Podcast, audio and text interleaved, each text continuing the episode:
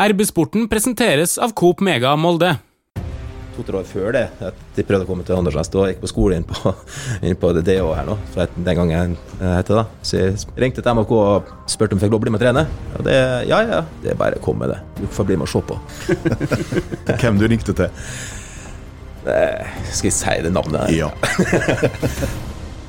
Velkommen til en ny episode av RB-sporten, Romsdals Bustikkes podkast for fotball og idrett i Romsdal. Mitt navn er Ole Bjørner Lo Velde. Vi skal se inn mot eh, kampen mot eh, Tromsø, som eh, skal spilles på lørdag. Og vi har med oss et panel med sportsleder Trond Hustad i Romsdals Bustikke. Hei, hei. Og MFKs keepertrener Per Magne Misund. Velkommen. Hallo, hallo. Mange ser fram til eh, lørdagen. Det blir full eh, gjenåpning av eh, stadion. Forhåpentligvis 7000-8000 mennesker, tør vi håpe på det. Og et Molde fotballklubb som jager seriegull. Per Magne, hva kan du si om stemninga i, i troppen og laget opp mot denne kampen? Stemninga er bra. Det er, ikke fått alle på plass ennå, selvfølgelig, etter landslagskampen som enkelte hører meg på nå. Så, eh, men de som har vært der, har trent godt, og er med i eh, godt slag. Absolutt. Hvor mange er dere på trening når det er eh, landskamppause? Er det dere på kritisk grense? Ja, det er for så vidt det. Og så er det sånn at det er etter ei tøff periode, og så er det to uker til neste kamp. Så da merker han det at det er, det er noe som trenger ekstra eh, hvile. Noen har noe vondt her og der som må eh, ta hensyn til, og da eh, passer det bra at en får en ekstra pust i bakken. Så det er litt sånn varierende hvor mange det blir. Og Så blir det heldigvis da plukka opp noen juniorer som får prøve seg. Det er en fin periode sånn sett. Tromsø grei motstander eh, når man på en måte skal i gang igjen. Eh, De vant jo noen kamper nå før landskamppausen, så de har kanskje ikke presset like mye på seg som, eh, som det de hadde for noen runder siden. Tromsø er vanskelig. Er, det, vi hadde en, eh, en varierende kamp oppi der. Det var andre serierunde i mai en gang. Eh, Leda komfortabelt. Eh, ble vel 3-3 til slutt, hvis det ikke husker helt feil. Et ekstremt spillende lag, så eh, der må man være på. De er i form. Så det blir en, en stor utfordring for oss. Men på hjemmebane skal vi være bedre lag, selvfølgelig. Full gjenåpning av stadion. Kan du si noe om hva forventning eh, dere har til, til det? Og hva slags rolle kan publikum eh, spille? Publikum spiller en stor rolle, selvfølgelig. og det er, det er, Vi var inne på kontoret i dag og hørte hvor mange billetter som var solgt. og Det er bikka 5000 allerede, eh, og det er bra. Tross dårlige værmeldinger, men det er tak over Aker stadion, så det skal absolutt ikke være noen hindring. Jeg vet ikke hvor mange mål, hvor målsetting jeg får eh, der på kontoret, men uansett, har vi fylt opp der 28 000, så har det vært helt fantastisk. Det glemmer oss det, altså. Absolutt. Når man så bildene fra Ullevål på mandagskvelden, så kjenner man jo det at det å liksom få det her publikumstrøkket tilbake i fotballen skal, skal bli godt. Og vi lengter vel litt å få den her stemninga også på Aker stadion? Absolutt. Det er helt klart noe som lengter ekstremt til. Eh, Og først det er trøkk på Akerselven, så er det bra trøkk, altså. Så, eh, så den eh, ser vi virkelig fram til. Etter ei sånn landskamppause så er det jo litt vanskelig å vite hva man kan forvente. Men sportsleder, hva kan vi tro på når det gjelder Molde fotballklubb mot Tromsø på lørdag? Eh, nei, det er klart, eh, som Per Magne er, inne på her, så det eh, er det jo all grunn til å tro at Molde skal kunne vinne denne kampen der, på hjemmebane spesielt.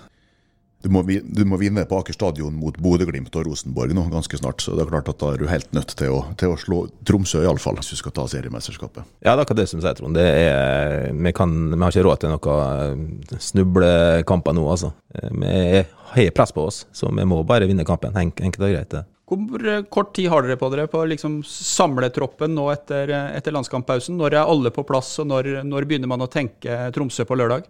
Eh, Vi har for lengst starta å tenke på Tromsø. Vi har for lengst starta med både video og, og spillestilstrening på trening, så den prosessen er for lengst i gang. Vi har en innarbeidet stil, og den skal vi selvfølgelig videreføre. Eh, Som Tromsø spiller i en eh, litt kinkig eh, 3-5-2-system, men det er òg en måte å utnytte det på. Så, eh, så vi skal være godt forberedt til, den. altså. Det er det. Og så er det et eh, de som har vært på landslagsturné, for å si det sånn, så er det litt varierende spilletid. Så eh, de fleste av oss er vel eh, gode årskudd når de kommer tilbake, tror jeg. Ja, så kan man jo ta med seg noen eh, gode eh, opplevelser også. For sjøl om man ikke har vært mye på banen, hvis vi tenker på, på OI, så er det jo spennende det som Norge har prestert i denne perioden.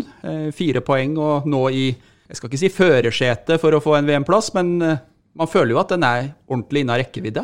Ja, det er ikke tvil om at det er en ordentlig rekkevidde. Det er vel opp til der, eh, Norge sjøl til å eh, klare en eh, både vinnergruppa vet du, og en kvalikplass. Men det kan jo jeg gå på ræva, da. Men det er nå i posisjon, så det eh, skal bli spennende i eh, november. Men nå er han eh, Helt sikkert dette har vært kjempeenergipåfylling for han. Uten tvil. Eh, og det er på flere fronter, jeg er helt, helt sikker på. For jeg har akkurat blitt pappa, så det er greit å få sove litt om natta, tror jeg. Så det, uh, hvis det ikke har noe overskudd nå, noe, så uh, får han aldri. Men eh, som MFK-trener, når man sitter og ser på det her eh, norske landslaget eh, Jeg går ut fra at det går nesten ikke an å la være å tenke at han har jeg trent, han har jeg trent, han har jeg trent. Det er jo ei fantastisk samling med tidligere MFK-spillere som nå imponerer for Norge. Ja, vi har gjort noe rett opp gjennom tida. Det har vi ikke noe tvil om. Hvor mange ble til slutt da, som var innom der? Var det Nei, altså nå eh, var det jo sju på banen, pluss Ohi på eh, benken. Pluss eh, at du har både Haaland og nordmann i bakhånd. Linnes, Østigård. Vi regna vel sammen at det er tolv nåværende eller tidligere Molde-spillere som har vært tatt ut av Solbakken siste halvåret. Ja. Hvis vi da fyller på med de tre-fire som kanskje burde vært tatt ut, som spiller i MFK, så har vi en bra 15-mannstropp, da. Ja, det, men det, det er nå det som er vært litt av eh, policyen til Molde opp gjennom eh, de siste ti-tolv åra òg. At vi skal eh, utvikle og selge. Så det ser vi til resultat av det. Når man ser eh, på landslaget, for å bite litt fast i det, eh, hvem av disse tidligere MFK-erne er det som har eh, imponert mest i de kampene vi har sett nå? Ja, for for keepertreneren sitt uh, synspunkt, da, så er en, uh, Ørjan har imponert meg. Fordi han har uh, nesten ikke kamper under beltet de siste åra. og spiller så stabilt som han gjør, selv om han ikke har hatt ekstremt mye gjort. Så har han vært trygg og god. Det har gjort Sakene sine var veldig bra. Så det er godt gjort. Du ser at han har opparbeidet seg stor rutine etter hvert. Så det var kjekt å se. Hvordan er det for en keeper det her? Å være reservekeeper på klubblaget, og så bli hivd uti, uti det, sånn som Ørjan opplevde nå.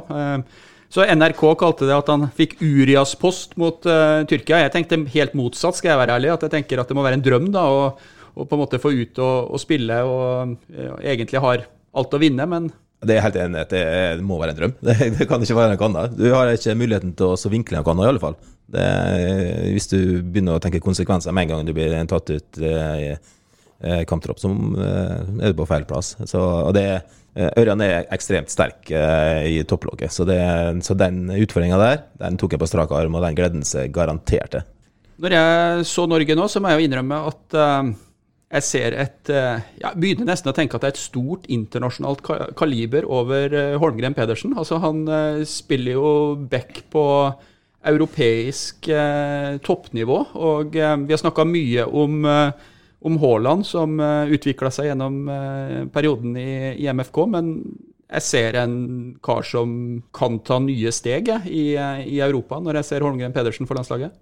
Ja, uten tvil. Det er, det, det er voldsomt det som, som, har skjedd med han eh, etter at han kom til Molde. Og det er jo jammen ikke lenge siden. Sånn at dette er en suksesshistorie som ikke vi ser eh, enden på eh, på langt nær foreløpig. Det, er en suksesshistorie for alle, bortsett fra Tromsø idrettslag, selvfølgelig. Det er jo en, allerede en, en, en, katastrofe for den klubben som ikke klarte å, å se noe av dette her potensialet da, før han kom til Molde fra benken der oppe. Men, den utviklinga som han hadde i, i, MFK, den var jo formidabel nok. Og den utviklinga han har hatt etterpå, er jo enda mer ekstrem. Og sånn som han har kommet inn på landslaget nå.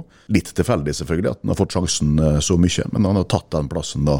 Og Hvis han fortsetter sånn her, så eh, blir jo han solgt en gang til til en mye større klubb i Tyskland eller England i løpet av, uh, av kort tid. Det stemmer hva fart har å si i internasjonal fotball. Eh, tilbake til Tromsø, så kanskje det var uhell der, ingen ble skada. Det er det som har vært suksessfaktoren for en eh, Markus. Ja. ja. så eh, nei da, han Markus eh, har alle forutsetninger til å lykkes med tempo og forståelse for spillet. Så det er kjempeartig å se på. Men i tillegg til, til, til Markus, da, så du har en Erling Haaland-historie. Du har uh, Elionussi som har blomstra voldsomt, ikke sant. Men jeg, jeg syns at det var litt sånn kjekt å sitte og se på Fredrik Aursnes når han kom inn nå, uten uh, de store faktene og uten å briljere. Så sitter du og tenker at OK, det er jammen ikke lenge før han kanskje har spilt seg inn på, på midtbane på landslaget heller, fordi at han gjør nesten alt rett, rolig og fornuftig sjøl uh, i en sånn uh, pressa situasjon som, som reserve. Ja, andre gangen i går var helt fantastisk å se på. Det så ut som hun har spilt på landslaget i ti år, altså. Så det var veldig kjekt å se. Da tenkte jeg på den der erfaringa du har med deg fra Molde fotballklubb, store kamper i, i Europa. For jeg, jeg, må innrømme at når eh, det byttet ble annonsert, så tenkte jeg yes, dette er akkurat det de trenger nå. Og eh, i går så, så, slo jo det til eh, også. og det, det, må jo ha mye med erfaring å gjøre, akkurat det å kunne gå inn i en sånn kamp og ta, ta posisjonen, sånn som Fredrik gjorde. Ja, Det er helt klart. og det, Vi diskuterte litt på kontoret i dag. At, eh, hva er nivået mellom eh, landskampen i går og kampen vår eh, mot eh, Trondheimsvor, f.eks.? Eller motstander, da. Vi spilte imot. Jeg er usikker mm. hva som er, er, det beste laget da. Eh, men at Naursnes eh, har fått erfaring i Europa og tar med seg videre der, det er noe selvfølgelig. Det er noe, det som er hele poenget med å spille ut i Europa. det. Hei, Hilde her, fra Coop Mega Molde. Og at Coop Mega Molde finner du alt du trenger til både hverdag og fest. Kom og la deg friste av den lengste ferskvaredisken i Romsdal. Du finner også et stort og bredt utvalg mat fra lokale produsenter. Velkommen til Coop Mega Molde. Du eh, har jo vært trener i eh, MFK nå siden 2007, eh, Per Magne skal ikke utfordre deg på hvor mange keepere du har jobba med i, eh, i, den eh, perioden, men eh, det har jo blitt noen. Både Nyland på landslaget og flere spennende reiser du kunne, kunne ha fulgt. Hvordan vil du oppsummere disse 14 åra med MFK-keepere?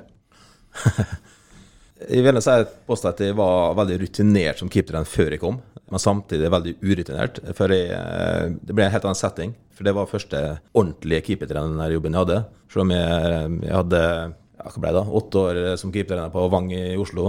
Og var spillende keepertrener for LSK de siste tre-fire åra der nede. Eh, men det ble en helt annen setting. Eh, så det var den første ordentlige keepertrenerjobben jeg fikk. Så, så det var en utfordring den gang da. Men du vokser nå inn i rolle, selvfølgelig. Og når en har jobba med så lenge, så får han veldig mye erfaring etter hvert. Dere har jo utvikla noen uh, keepere som dere har uh, solgt uh, videre ut i Europa, og mange har jo også sett på nåværende førstekeeper, Andreas Linde, som et mulig salgsobjekt for framtida. Hvordan vil du ja, kan starte med Linde, da. Hvordan vil du beskrive hans reise fra dere fikk han inn første gang og til den keeperen han, han er i dag? Han har tatt ekstremt store steg, det er ingen tvil om. Uh, vi har en video fra første treningsuken jeg var på trening med oss. Og det Sitter og kikker på den sammen med Andreas og bare flirer han. Det var en helt annen stil, selvfølgelig. Og fysikk og alt. og Det skulle bare mangle sånn sett, men han, han var nå 22 når det kom, hvis ikke regner helt feil. Litt basis hadde han, sjølsagt, Men jeg syns det er helt fantastisk artig å eh, ta deg når du er såpass ung, så du kan forme deg på min, vår måte. Det er en helt annen hverdag du, når, når du har en tekst som en Espen Bygge når han kom. Litt kan du selvfølgelig eh, justere på det, men da er en satt. Så da er det litt mer vedlikehold-sak. Og når du henter unge keepere og utvikler sånn, så eh, er det en helt annen hverdag. Så eh, det har vært veldig kjekt, absolutt. Og Andreas eh, har vokst inn i rolla opp gjennom åra. Bugge var jo mer etablert, som du sier, men han ble vel også landslagskeeper ja. mens han var i Molde. Ja.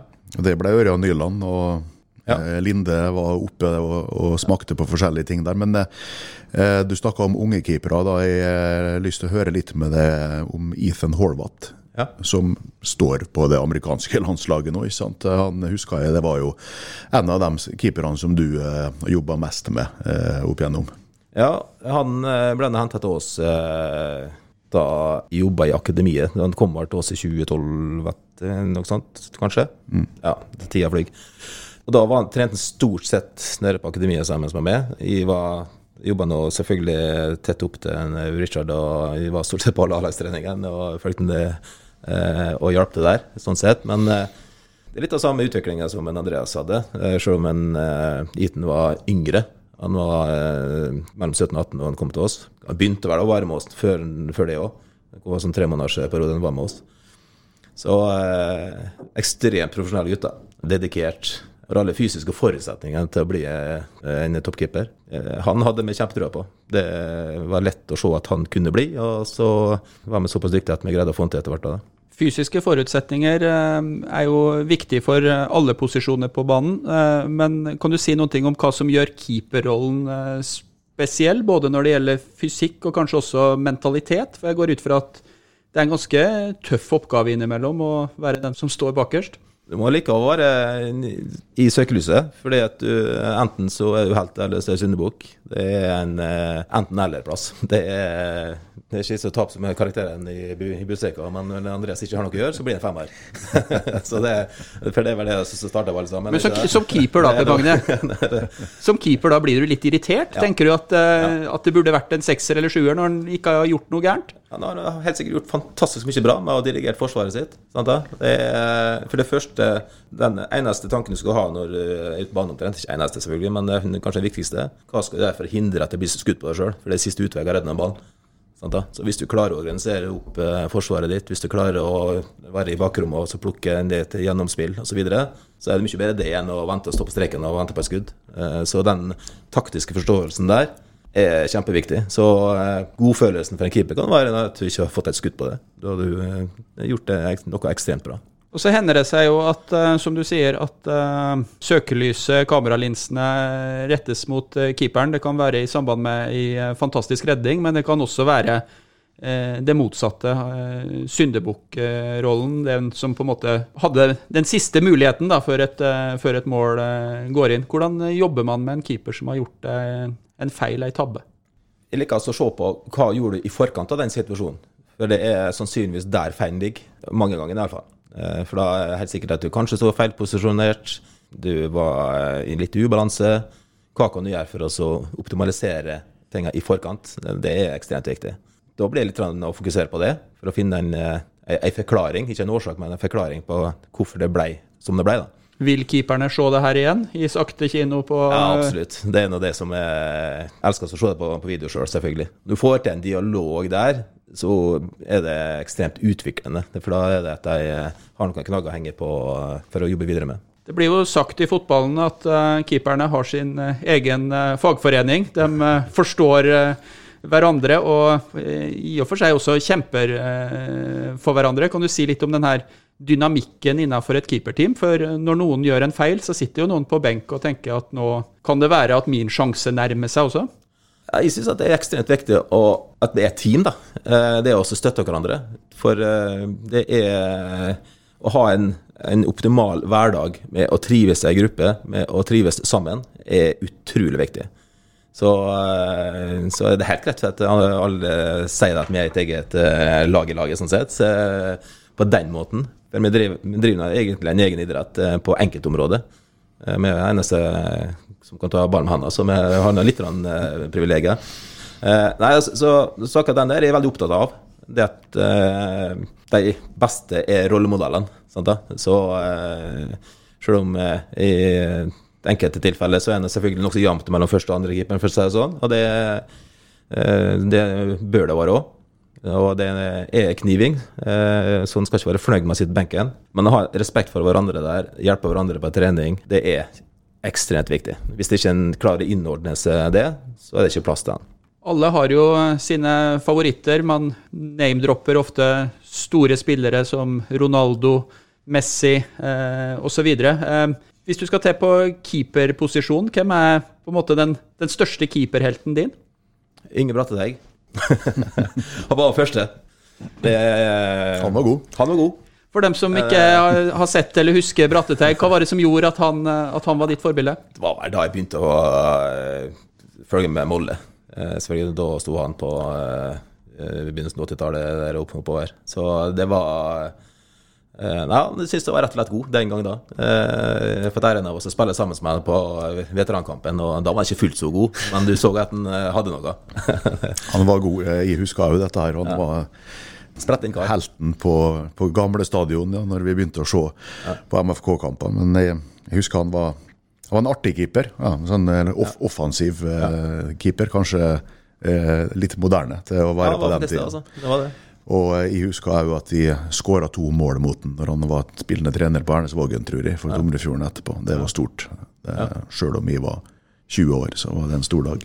Vi eh, snakker om breddefotballen og mange av de gledene som, eh, som den kan eh, bringe med seg. Ved siden av å eh, ha vært eh, MFK-trener siden eh, 2007, så er du en kar som også har engasjert deg i, i lokalfotballen. Vi var innom og så på litt eh, statistikk, og, og den var jo til alt overmål feil også. For det, det er jo ikke så veldig mange år siden sist du, du sto i mål i en, i en lokalkamp som, som betydde noe. Jeg ble hyra inn til opprykkskampen mellom Åndalsnes og Ernasvågen på Aker stadion i 2018-19. Litt usikker på årsaken, men uh, uansett så rykte Åndalsnes opp, og det var en uh, kjekk kamp, det. Men er det sånn at uh, man bare kan kaste seg uti det som keeper? Hvis man har keeperbevegelsene i, i kroppen intakt, så, så går det greit å stå en kamp, sjøl om man begynner å nærme seg 50? Nå er Bekka 50, så nå er det slutt. Eh, nei, nå er jeg ferdig. Det er ikke aktuelt noe mer nå, altså. Det Men du fortalte jo hva som skjedde sist du uh, steppa inn og var med på ei trening.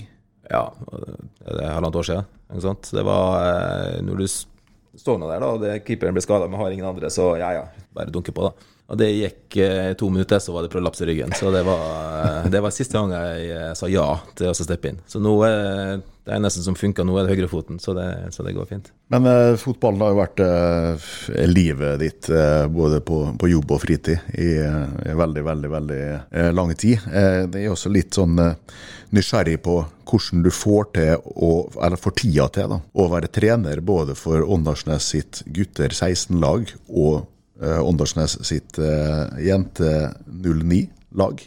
Eh, etter at du er ferdig med kamp og trening og, og reising og sånn i, i MFK. Jeg har ekstremt gode medtrenere, så jeg dukka opp da jeg har muligheten til det. Eh, så er det noen år siden jeg slutta med landslagsoppdrag òg, så nå er det litt bedre tid enn den gang da. Nei, men eh, det å følge opp ungene sine, det er kjempe, kjempestas.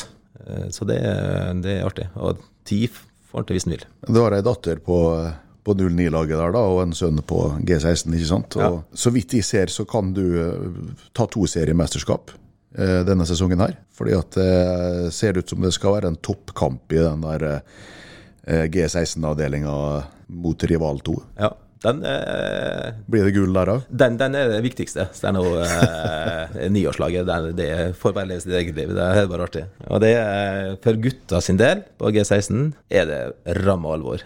Så eh, de er kjempeivrig på å ta det seriemesterskapet der, altså. Eh, Det er kanskje for enkelte det største du kan oppnå i, eh, i fotball, det. det er, kanskje det har slutta etter året, du vet aldri det. Så det Det er en kjempefin gjeng. De trives sammen. og er, Vi trener to eller tre ganger i uka, så, så det er ikke noe mer alvorlig enn det. Men enkelte av dem trener både med junior- og A-laget så det er OK gutter. Og det er litt forskjellig ambisjonsnivå.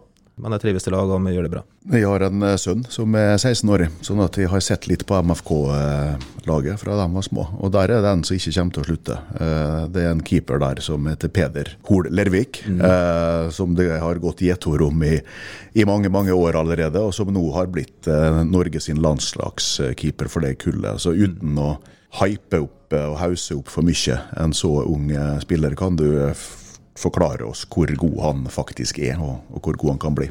Han er såpass god at han er med på A-lagstreningen, så legger ikke gutta merke til ham at han er 15-16 år. Og det er godt gjort. Skulle jeg hatt guttungen min som står i mål der, så tror han snudd ræva til å sprenge. Eh, han er eh, voksen, eh, ekstremt godt skolert. Eh, det skal jeg ha æren for han eh, Mats Mørkå, som har eh, hatt mer gjort med han enn det jeg har hatt de siste åra. Han er en moderne keeper. Ekstremt god med beina, god fotballforståelse. Bra i feltet, god skuddstopper. Eh, nei, så han, har i utgangspunktet eh, det meste, og så er det opp til både han og oss å videreforedle talentet der, da. Så det blir, skal bli spennende å se nå framover. Er nåløyet trangere for en keeper, hvis man på en måte skal ta utgangspunkt i det å slå gjennom som eh, seniorspiller? Uten tvil, for du får ikke særlig noe kartere på slutten. Det er det som er største aberet. Skal du holde på utviklingen, så må du ha kamper. Og for Per sin del nå, så har han en uh, kjempebra kamp hver dag. Men det kommer til det stadig at han må ha nye utfordringer, og da er det opp til oss å uh, finne, finne, det. da. Og det må vi se an uh, når, når den tida kommer. Hei sann! Her er jo Hilde fra Coop Mega Molde. Kom innom og la deg friste av den lengste ferskvaredisken i Romsdal. Velkommen til Coop Mega Molde. I forhold til det med keeperutvikling, er det lettere å, å hente inn en keeper, eh, emner å jobbe med, enn å utvikle en som har vært i egen tropp? For hvis man ser MFK-historien de siste 20 åra, så Eh, er det vel Knut Lillebakk, vår kollega her i Bustika, som er den siste eh, fra Romsdal som jevnlig sto kamper for eh, Molde fotballklubb? Ja, og jeg personlig fikk ikke lov å komme til Molde, så det Nei, ja, det, du kan jo si det at det er enklere å hente halvfabrikater, sånn sett. da. Vi har en ambisjon å prøve å få til så godt vi kan, iallfall. Og man nå lykkes nå med Peder hittil. Så får vi se hva langt rekker, om en lykkes til videre. Du var inne på det at du, du sjøl ikke fikk lov til å komme til Molde. Det ble eh, Østlandet og, og Lillestrøm som, var, som, ble din eh, klubb eh, primært som spiller, Per Magne. Hvordan var det for en ung raumaværing å på en måte måtte sette kursen sør-østover istedenfor til Molde? Fotballen var annerledes på den tida der, da. For da i dro dit ned, så var det etter at Åndalsnes ÅIF rykte ned fra daværende neste øverste divisjon, eh, eller første divisjon het det den gang da. Jeg spilte på et høyt nivå. Var, det var sjuende sesongen min eh, på A-laget på Åndalsnes da, så da var det sånn veiskille. Men det var to-tre år før det at de prøvde å komme til Åndalsnes. Da gikk jeg på skole inn på, inn på DH her nå, så den gangen het det da. Eh, så jeg ringte til MFK og, og spurte om jeg fikk lov å bli med og trene. Og det Ja, ja. Det er bare å komme, med det. Du får bli med og se på. hvem, var Hvem du ringte til? Skal jeg si det navnet? Ja. Nei, Svaret kom fra Kolbjørn Sylte, som var keepertrener da. Så det eh, Morten Bakke og Nari Lervik var vel keepere da, så han var ikke så veldig interessert i å ta inn noen flere enn eh, deg. Og en lokal eh, talent var ikke vits å se på, i alle fall den gangen da. Så, nei da, men det er jo tilbake til LSK, ja. Det var en eh, veldig kjekk eh, tid, det, altså. Eh, det var rimelig tilfeldig, det, selvfølgelig. Jeg var ute og prøvespilte både i Godset og Lyn, og sendte hvert faks på den tida rundt omkring i hele Norge. Vi fikk ikke noe napp. Så da var det faktisk en Kjetil Siem som hadde tipsa LSK. At, det var en kar i Bromsdalen som hadde lyst. Vi har jo noen i RB-Sporten-panelet som er ganske kritisk til Lillestrøm sportsklubb. Jeg er ikke en av dem. Jeg har sansen for, eh, for klubben fra, fra Romerike. Kan du fortelle litt om fotballsjela på, på Åråsen? Kan det jo være at noen av lytterne våre faktisk har godt av å høre det? Nå må jeg få skyte inn at det er heller ikke jeg som er kritisk, sånn at eh, ikke folk misforstår det. Det er noen andre som ikke er med her i dag. Det var det Eh, jeg tror ikke MFK står høyt i kurs nede på eh, Åråsen heller, eh, blant fansen der. Så hver gang jeg er nede der, så får jeg høre det. Lillestrøm er en, en farga, selvfølgelig, på, på, det, da. Men det var en fantastisk klubb. Det er 14-15 år siden jeg reiste hjem derifra, sånn sett. Men for meg så var det helt perfekt. Selv om det ikke ble så mange kamper med på året, så trivdes de ekstremt bra. Både på og utenfor banen en inkluderende familieklubb. Ekstremt uh, dedikerte supportere. Det ser du den dag i dag òg, at de er, på flinke nedpå der. Jeg trives utrolig bra. Jeg, hadde, jeg fikk med jobb utenfor banen og i klubben. og altså, Jeg hadde en kjempefin tid. Jeg hadde altså. Det, var, det farga meg. Er det sånn at det er den klubben du sjekker resultatene dine resultatene til først etter MFK? Ja, jeg håper at jeg taper. Du gjør det, ja? Ja, Jeg er livredd for å komme bak oss nå. ja, da, jeg, jeg, er der også. Jeg, dette er store divisjon, så er det greit, det. Eh, I 2001 så oppnådde dere et eh, ja, langt på vei et høydepunkt med Lillestrøm eh, sportsklubb. Da ble dere sølvvinnere. Fikk, fikk medalje i Eliteserien. Kort tid etter at dette ble feira, så fikk du som 30-åring en veldig tøff beskjed. Ja, det var min desidert beste sesong. Jeg hadde vært i 16-17 kamper det året der. Jeg sto fast eh, fra begynnelsen til ja, slutten av mai, begynnelsen av juni, tenker jeg. Emil Baron var der som, eh, som keeper. Han eh, ble skada og litt utenomsportslige ting. Eh, så jeg, eh, jeg tok eh, muligheten og sto fast resten av året. Så det var en fantastisk artig sesong med Clayton Seine i spissen. De skal ikke rippe opp i det, men Um, utgangspunktet foran den sesongen var at vi hadde vel knapt nok spillere. Så i generalprøven på, uh, i april der nå, så uh, bytta han Clayton fra hjemmegarderoben til borte i garderoben. Og avslutninga på kampen så var han spiss, og jeg var spiss på Lillestrøm. Vi hadde ikke mer spillere enn det. Så at uh, sesongen skulle bli så bra, det var helt fantastisk. Men på slutten der nå så hadde vel en gnagende følelse på at noe som var ikke som det skulle med meg sjøl. Men jeg var så oppi det at jeg utsatte og utsatte det til nest siste kampen. vet. Jeg røk ut for Bryne i cupen 4-0. Da hadde jeg så vondt at jeg måtte bare si ifra. Og tre dager etterpå så ble jeg operert. Det var en tøff opplevelse, selvfølgelig. Før jeg gikk til legen, så fikk jeg telefon hjemmefra at en Stein Jørgen Dale ble operert for akkurat uh, samme testikkelkreft. Jeg tenkte ja, det er det som er problemet. Liksom, sånn, så da var litt sånn ut, utløsende årsak til det. Jeg husker jo uh, de bildene fortsatt, Per Magne, gjorde inntrykk. På den tida der så var det Kanskje litt sjeldnere også, med åpenhet rundt eh, kreftsykdom, og kanskje spesielt testikkelkreft. Og eh, det bildet fra sjukesenga når du på en måte slapp media helt inn, hvordan var det å være hovedpersonen i, i det her? Jeg så kanskje syk ut, men jeg følte meg ikke syk. Og jeg er bestandig opptatt av eh, å være åpen om ting. Eh, og spesielt dette her syns jeg var veldig viktig å være åpen om når du er en sånn halvoffentlig person fra før, så uh, blir det snakk. Og da er det mye bedre å ta med brodden. For jeg merka det i begynnelsen, der at når jeg gikk i gata og folk kom, så det gikk det på andre sida av gata. Den typisk Folk vet ikke hvordan de skal angripe sånne ting. Så da følte jeg at det var mye bedre å være åpen om det, og det var, det var null, stress. Selv om det ble litt kjør på det, men det er verdt det, absolutt. Jeg husker veldig godt uh, at uh, jeg fikk gjøre et stort og åpent og fint intervju med deg i, i uh, Bustika på treningsleir i La Manga. Da var det over nyttår der, sikkert. Type februar eller noe da etterpå. Jeg tror det var viktig og bra at du håndterte det på, på, denne måten der. Men du var jo ikke helt ferdig med sykdommen da heller. du hadde jo noen tilbakeslag eller flere inngrep etterpå. Ja, det, det er sånn da at du eh, Jeg tok opp, opererte bort eh, testikkelen, og da eh, det var noe ondartet kreft i den. Og så er du heldig, så er du ferdig med det. Det er noe Gunnar Halle, f.eks. Han var noe kreftsyk under VM i 94. Han var ferdig med, med den. Men jeg var på en treningsleir i januar der. Og så skulle jeg hjem og skulle ha en, sjekk på sykehuset. Og da oppdaga jeg at det var spredning i lymfesystemet i bakre bukvegg. Det var der det var det tøffeste som skjedde, sjølsagt. Da var det på cellegift og operasjon og operasjon igjen. og Brukte fra februar til oktober for å komme igjen. Så det var det som var det tøffeste, selvfølgelig. Men samtidig, så i begynnelsen der nå, så uh, var sånn uh, ukes kur med cellegift uh, på sykehuset. Så var det to uker hjemme, og da var jeg på Åråsen og bytta om til treningsklær hver dag. I utgangspunktet må jeg være litt forsiktig pga. Smitte og litt forskjellig. Men eh, det var en kur. Eh, det å komme i garderobe og tenke på noe annet, eh, det var fristedet mitt. Det var faktisk aktuelt en treningskamp med å prøve meg keeper den tida der. Nei, jeg spilte en treningskamp mot Vålerenga, faktisk, i, i Valland.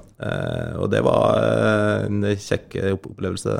Helt uh, klanen begynte å rope fra tribunen. Det er enkelte som ikke klarer å oppføre seg. Så, ja. Og Knut var vel nede en tur og prøvde seg. Så han eh, var med på treningene den tida der. litt tilbake. Veldig fint å, å, høre deg fortelle om, uh, Per Magne. Og som sagt så tror jeg den åpenheten som du bidro med, er, har vært viktig både den gang og i, og i tida etter. Vi skal snakke oss litt inn mot uh, Tromsø igjen uh, til slutt i, uh, i episoden. det er jo en kamp som vi allerede har vært innom.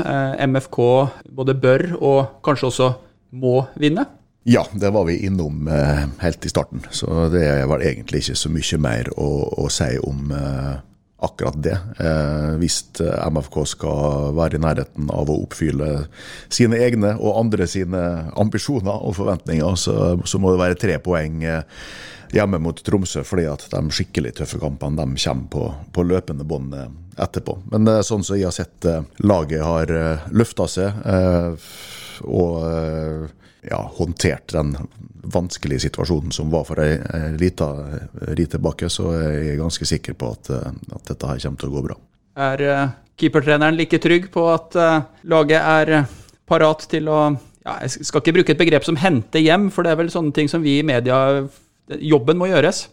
Ja, Nå sikta jeg til lørdagens kamp, altså. At jeg er sikker på at det kommer til å gå bra.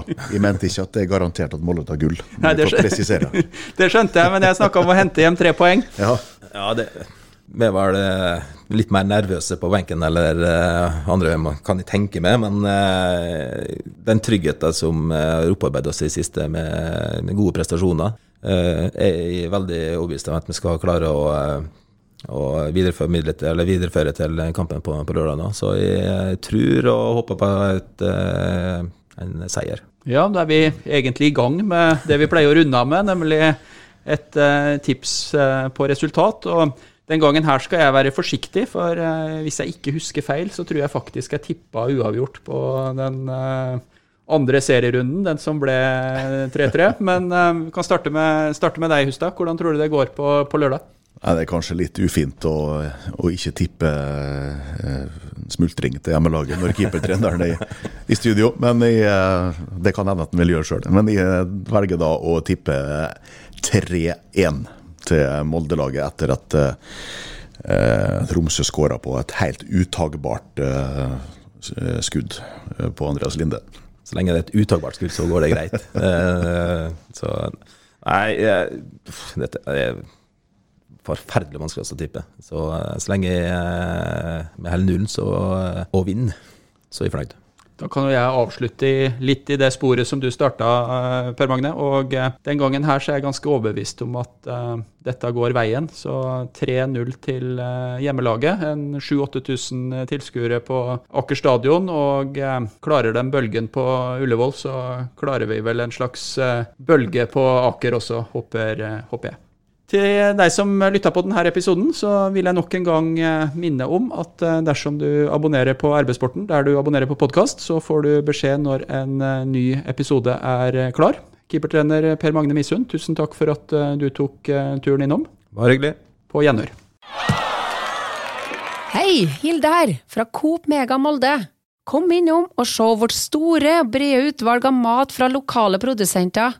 Vi har også gavepakker til den som har alt. Velkommen til Coop Mega Molde!